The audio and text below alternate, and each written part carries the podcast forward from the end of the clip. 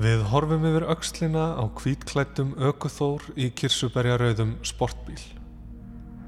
Á mælaborðinu er ekki vegvísir heldur stendur þar stórum stöfum, hástöfum, don't panic.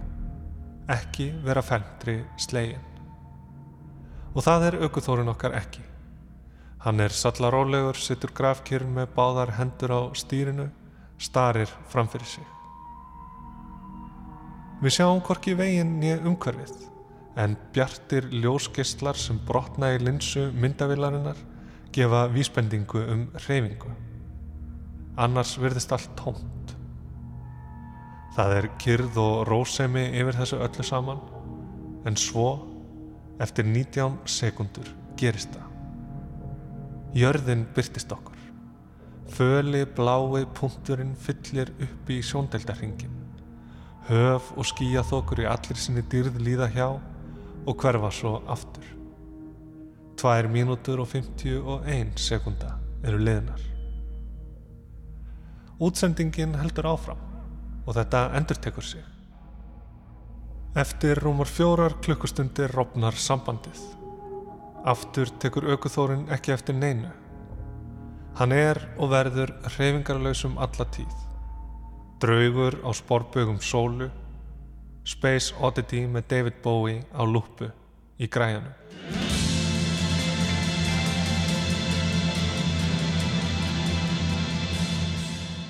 Í alvöru. Þann 7. februar 2018 skaut Elon Musk stopnandi SpaceX og eigandi Tesla kirsuberjarauðum Tesla Roadster bílnum sínum út í geim. Það var þá ekki hann sem satu stýrið heldur staðgengill. Gína í geimbúningi kölluð Starman eins og í öðru lægi eftir David Bowie. Þetta var fyrsta tilrunaflug Falcon Heavy eldflugar SpaceX. Öflugustu burðarflögar í nótkun á þeim tíma og það er hreint með ólíkindum að nánast allt hafi gengið upp í jómfrúarfluginu. Musk sjálfur taldi um helmingslíkur að allt springi í loft upp. Saðist ánæður ef skotballurinn byði ekki mikinn skada. En þarna, eftir margra ára tafir og senkanir vegna tæknilegra örðuleika eins og áða til að gerast þegar kemur að gemferðum, tók flögin á loft með Teslunaðans Musk. Fyrsti fjöldaframleiti bílinn í gemnum sá sem hefur farið hraðar en allir aðrir. Okkur berast reglulega svona frettir. Frettir af miljardamæringum og aukýfingum að leika sér í gemnum. Og nú hafa enga fyrirtæki hlift nýju geim kaplöpi af stað og sagan er farin að endurtaka sig. Markið er sett herra en nokkur sinni fyrr. Stefnan er aftur sett á tunglið en einungi sem stökkpallur fyrir hið raunverulega endamark, Mars og við fylgjumst spennt með. Enda fer kapplaupið fram ekki síður í fjölmiðlum og á skotpöllum, í almenningsálitinu og úti í gemnum.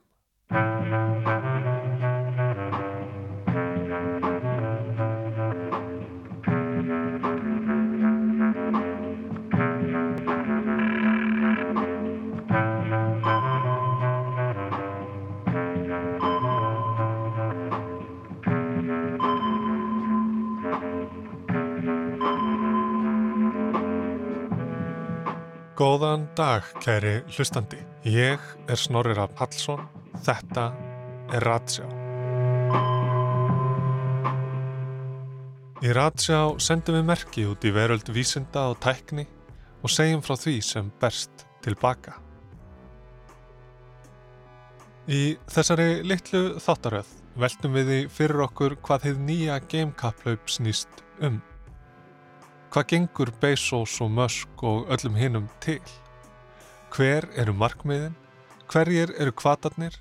Og hverjar eru ástæðunar sem liggjaði baki þessum gríðarlegu fjárfestingum, þessum ótrúlega metnaði? Hvers vegna að fara út í geim? Það er stóra spurningin og hér er fyrsta tilraun til svars af því að við höfum gert það. Uppáttæki í Musk var umdilt. Hvers vegna að skjóta þessum sportbíl á þessum tíma út í game? Musk er þekktur fyrir að kunna vekja aðtikli á sjálfum sér og því sem hann tekur sér fyrir hendur. Og töldu sumir að þetta væri snildarleg þó kannski heldur yfirdrifin markasprella. fyrir næstu útgafu af Tesla Roadster bílnum. Aðrir tólkuðu þetta sem listaverk. Tímaritið Verge líkti game Teslunni með Starman innanborðs við gósbrunn Duchamp. Hverstagslegur hlutur á ofinnilegum stað, í nýri stöðu og nýju samhengi. Eða voru ástæðunar kannski personulegri, hjekomlegri? Hvað öskrar krísa miðaldra manns meira en rauður sportbíl, ef ekki það skjótunum út í geim? Var þetta örvendingafull tilraun til að endur heimta snefil að frelsi ungdómsins og gera auðsinn og vald, kraft og karlmennsku sínilega? Eða eitthvað allt annað? Þetta er auðvitað fáránlegt, hálf galið og lyktar af stormennsku brjáleiði. En það er svo sem ekkert ólíkt öllum öðrum gemferðum ef úti það er farið að tilla sér á brott risastórar eldflögar og fýra upp í þúsundum tonna af eldfimu eldsneiti er fáránlegt. En í því fælst líka galdurinn. Og það er það sem Elon Musk stólaði á. Auðvitað var þetta markaðsbrella og listrætt gjörningur í senn, en ekki fyrir eitthvað jafn hverstagslegt og banalt og sportbíl. Það sem kannski gleimist líka í því er að þetta hefur alltaf verið gert. Menn hafa verið að skjóta loft eldflögum bara til þess að kann prófa eldflögunar og gá hvort það virkir nú ekki alveg öruglega sem skildi og þá er bara valið á milli þess að senda ekkert út í geimin eða bara eitthvað steipuklump jáfnvel eða að taka áþunna og setja eitthvað dýrt gerfutunglum borð sem að þá myndi eðileggjast ef geimskutið hefnaðist ekki. Sævar Helgi Bragason, stjórnumfræðingur Eitt sem er líka jákvæmt við nútíma gamekaplöpið er að þetta virðist vera hans auka áhuga fólks aftur á gameráðsóknum og kannski sérstaklega krakka. Og þegar ég heimsæki skóla og, og hérna, fræði krakka um geimin þá vita flest allir um það að Elon Musk hafi sendt bíl út í geimin sem dæmi og það er rosa spennandi, það er rosalega inspírerandi þannig að það eitt og sér er vissulega mjög jákvæmt og vonandi hvetur það þá einhverja krakka til þess að feta slóð uh, vísinda eða verkfræði einhvers líks og sem að ella hefði ekki gert það. Þannig að ég vona að þetta sé að minnstakosti leða til þess að það kemur upp hérna ný kynslu vísindafólk sem að fekk innblástur af völdum þessara uh, nýju, þessa nýja gamekaplöpis. Þetta hafði Musk sjálfur um málið að segja eftir hið glæsta flug Falcon Heavy og Starman Við vildum fá fólk til að undrast, verða spennt yfir möguleikanum á að eitthvað nýtt sé að gerast í gemnum. Að verið sé að íta við út mörgum gemsins. Markmiðið var að veita ykkur innblástur og fá ykkur til að trúa aftur, rétt eins og fólk á Apollo tímanum trúði, að allt sé mögulegt.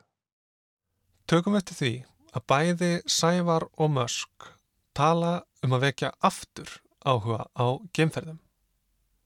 En hvernig skildan hafa kviknað til að byrja með?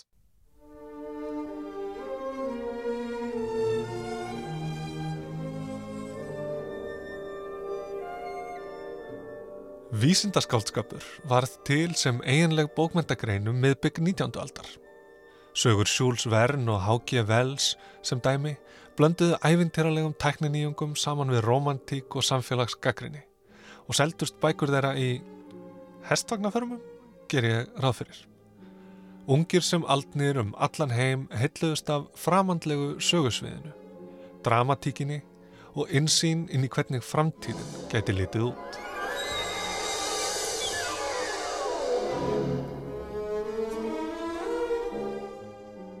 Einn olmur lesandi var Werner von Braun nokkur. Von Braun fætist í Virsits í Brústlandi árið 1912 sem þá var hluti af þíska keisaraveldinu. Von Braun litli fekk snemma óbylandi áhuga á sögum Verns og Vels. Drakk í sig hverja bókina og fætur annari um ferðir til tunglsins og ævintýri í fjarlægum heimum og var sérstaklega hugfanginn af bók Vern frá jörðinni til tunglsins. Það sem frönsku ljóðskaldi og tveimur bissusmiðum er skotið til tunglsins úr fallbissu. En eftir lestur á Die Rakette zu den Planetenräumen eftir eðlisfræðingin Hermann Oberth var ekki aftur snúið. Á eldflög út í geim er hákennilegt ritt uppfyllt af jöfnum og fíkurum, skýringum á floknum lögmálum eldflöga fræðinar sem þá var að fæðast og færðist áhugi von Braun frá skáldskapnum yfir til vísindana. Fallbissa myndi aldrei virka, en eldflög gæti það mögulega. Von Braun hafði á þessum tímapunkti gengið til liðs við klúb áhuga manna um gemferðir, en hann átti eftir að verða svo miklu meira en bara áhuga maður.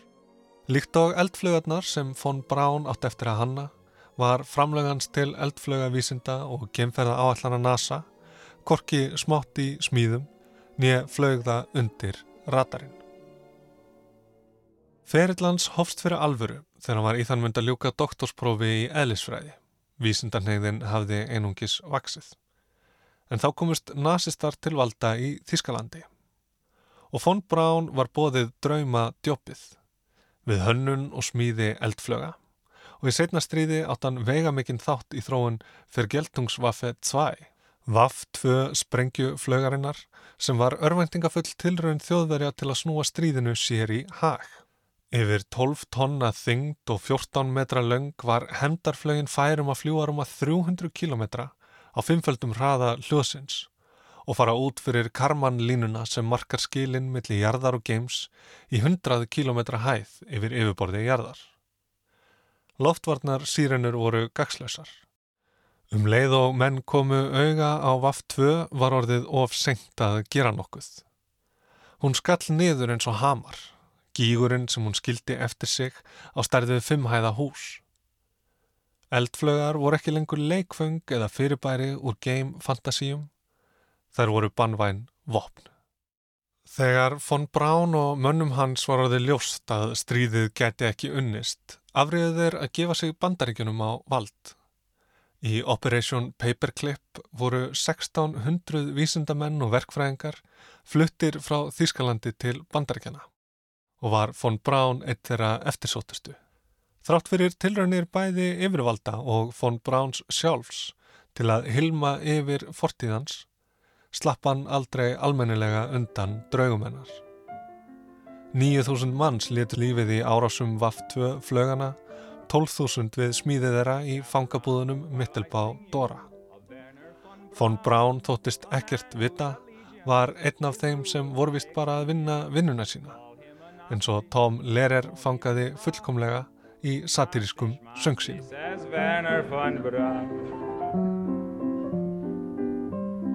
Don't say that he's hypocritical.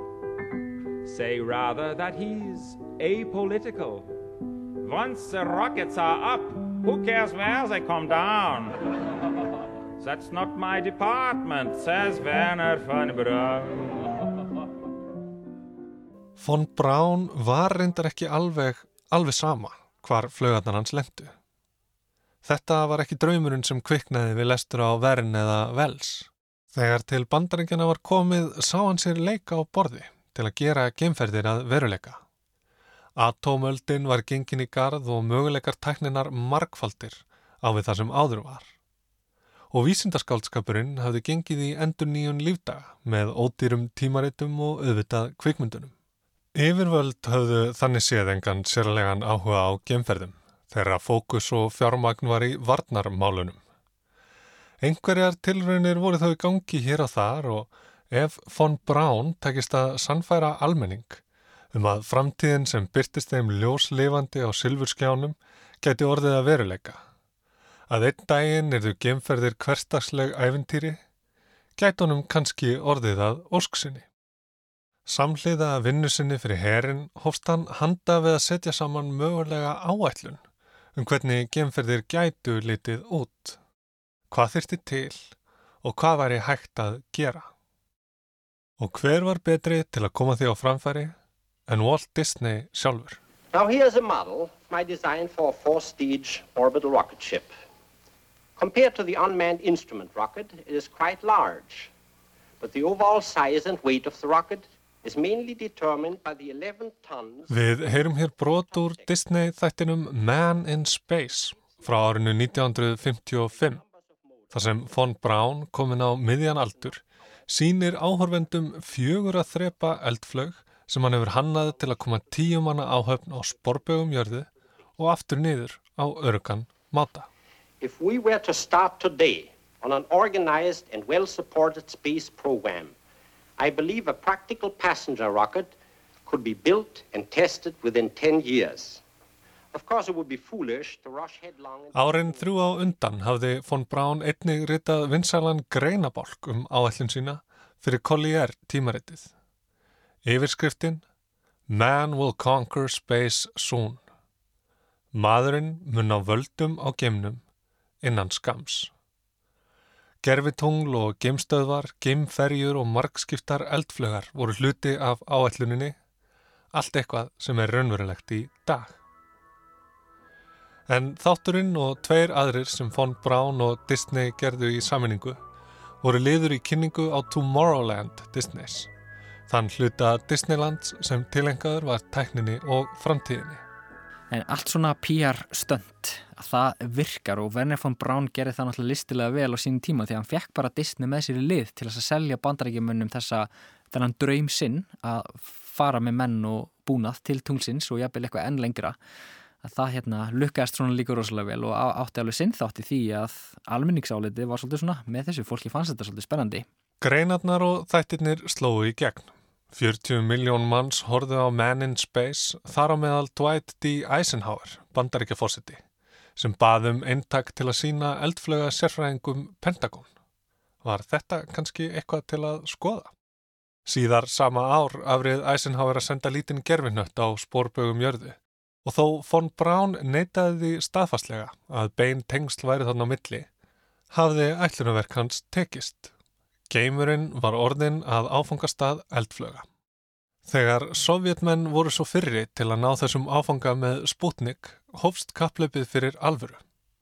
Og bandarækjumenn sem trúðu nú loksins á hugmyndina og voru reyðbúinir að taka þátt, fundu von Braun nýtt hlutverk hjá henni glænýju gemferðarstofnun bandaríkjana, NASA. We choose to go to the moon. We choose to go to the moon in this decade and do the other things. Not because they are easy, but because they are hard. Á þessum orðum John F. Kennedys á sólríkum septemberdegi í Texas árið 1962 hófst hinn raunverulega gullöld gemferða.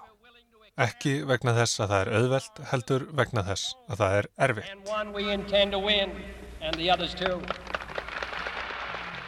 Geimferðir voru komnar á dagskrá.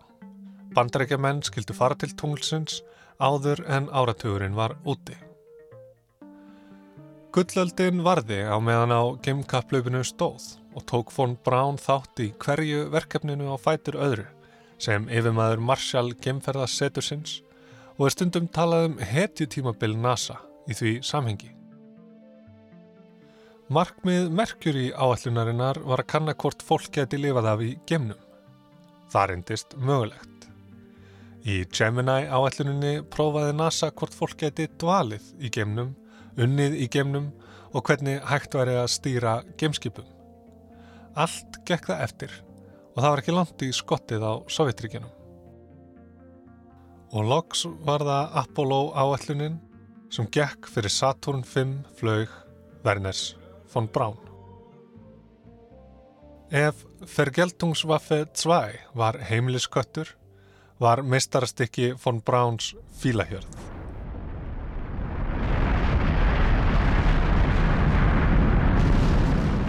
Þegar Saturn V hóf sig á loft, gast ekki bara séða. Þú gast ekki bara herta þú fannst fyrir því.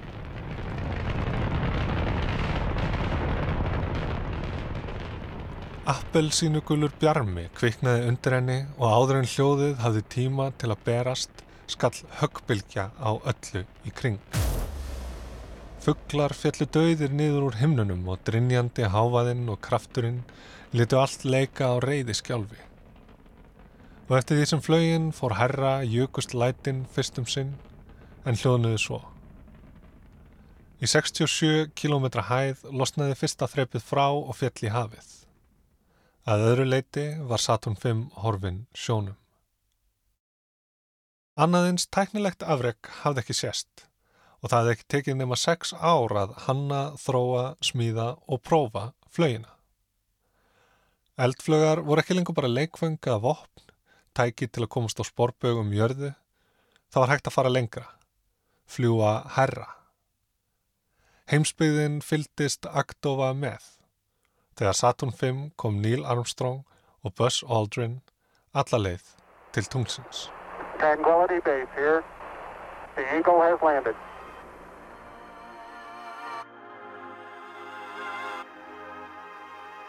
Það bar svo til um þessar myndir, þarna á hátindi Game Æðisins, að aðal söguheitunar okkar í nýja Game kaplaupinu, Gamespjalla mennirnir Jeff Bezos og Elon Musk komu í heiminn, sitt hverju megin við tunglendingu Apollo 11. Og þó Werner von Braun hafi enn verið sprell levandi, má hugsa sér að þar hafa hann í raun endurfæðst. Sögur Bezos og Musk eru í senn dæmigerðar og óvanalegar. Bezos var fimm ára þegar Neil og Buzz lendu á tunglinu. Þetta var þýðingar mikið augnablík fyrir mig. Ég man eftir að hafa hort á þetta í sjónvarpinu í stofinni heima. Spennunni í foreldrum mínum, ömmu og afa. Lítil börn skinja slíka spennu. Þau vita að eitthvað stórfenglegt er að eiga sér stað. Þetta var það ástriðu minni. Star Trek var fyrir Bezos eins og Vern og Wells voru fyrir von Braun og sem barn ætlaði hann að verða gemfari. Ég fór í gegnum mörg tímabil, vildi gera alls konar hluti. Ég ætlaði að verða forlegafræðingur og það fyrir tíma Indiana Jones. Mörg börn hafa einhverja hugmyndum hvað þau vilja gera og það sem yfirgaf mig aldrei var hrifningin á gemnum. Og þá áttaði ég mig á því að ég vildi ekki verða gemfari. Ég hafði miklu frekar áhuga á verkfræði hliðinni. Ef hægt er að nefna eitt augnablík sem breytti öllu var það mentaskóla heimsókn Bezos í Marshall gemferðasetrið, það sem von Braun hafði farið fyrir, þar sem eldflögarnar voru smíðaðar. Vísinda skáldskapurinn vek fyrir vísindunum og bílskur fjölskyldunar var læður undir alls konar fyrkt og Bezos var með plan. Útskriftaræðans úr mentaskóla fjallaði meira á minna um hvernig mannkinnið geti lagt undir sig geimin byggt geim, hótel og að einn daginn myndu miljónir manna búa á meðal stjarnana. Tím okkar á jörðinni væri af skortnum skamti. Geimurinn, hið hinsta jæðarsvæði, hittið með þar, voru loka orðin. Í Princeton háskóla byrjaði Bezos í Ellisfræði, en fann það fljóta tölvunafræðin átti betur við hann. Enga síður var hann virkur meðlemur og síðar formaður nefndafélagsum könnun og þróun geimsins. Þetta var fámennur, hópur og einangraður. Hetju tímabili NASA var lokið og geimferðir ekki nondar nærri fyrirferðamiklar í vitund almennings. En flestir meðlemið hópsins ætluðu sér með einum eða öðrum hætti að taka þátt í geimaáallun bandaríkjana. En eins og flestir vita láleið Bezos inn á braut viðskipta, ekki vísinda. Allavega um stund.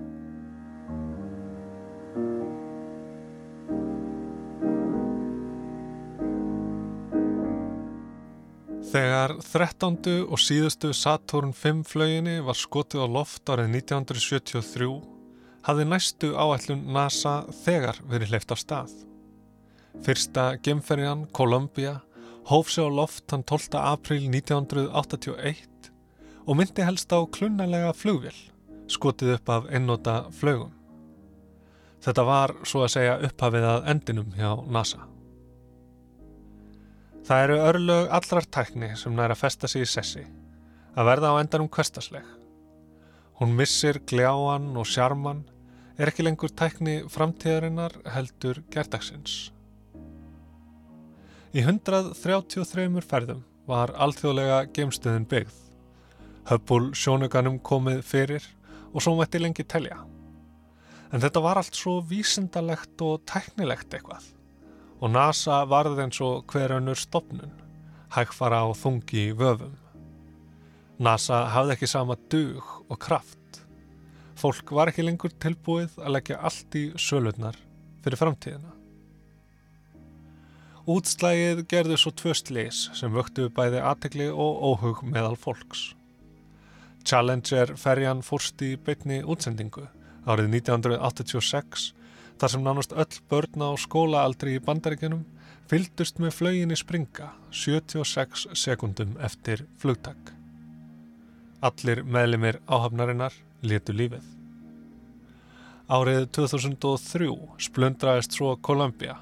Allir meðlimir áhafnarinnar letu lífið. Ákveðið var að ljúka smíði alþjóðlegu gemstöðarinnar. Svo yrði ferjunum lagt. Þetta var of kostnaðasamt og of áhættusamt. Síðan þá hefur engin stór game áætlun NASA uppfyllt markmið sitt og bandarækjumenn þurfa að húka sér far með sójusflögum rússa til að heimsækja gemstöðina. Kvílik niðurlæging. Draumar um game, hótel, nýlendur á tunglinu og reglulegar ferðir til Mars heyra fortíðinni til.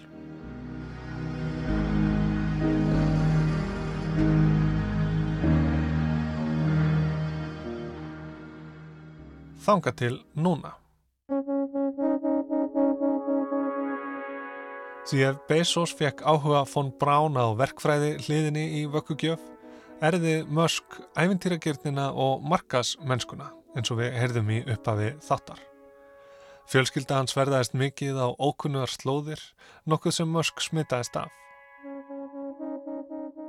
Heimurinn var til þess að kanna hann, frá dýfstu höfum til hæstu tinda, inn í kvelin og út fyrir plánutuna. Svona sagðan sjálfur frá.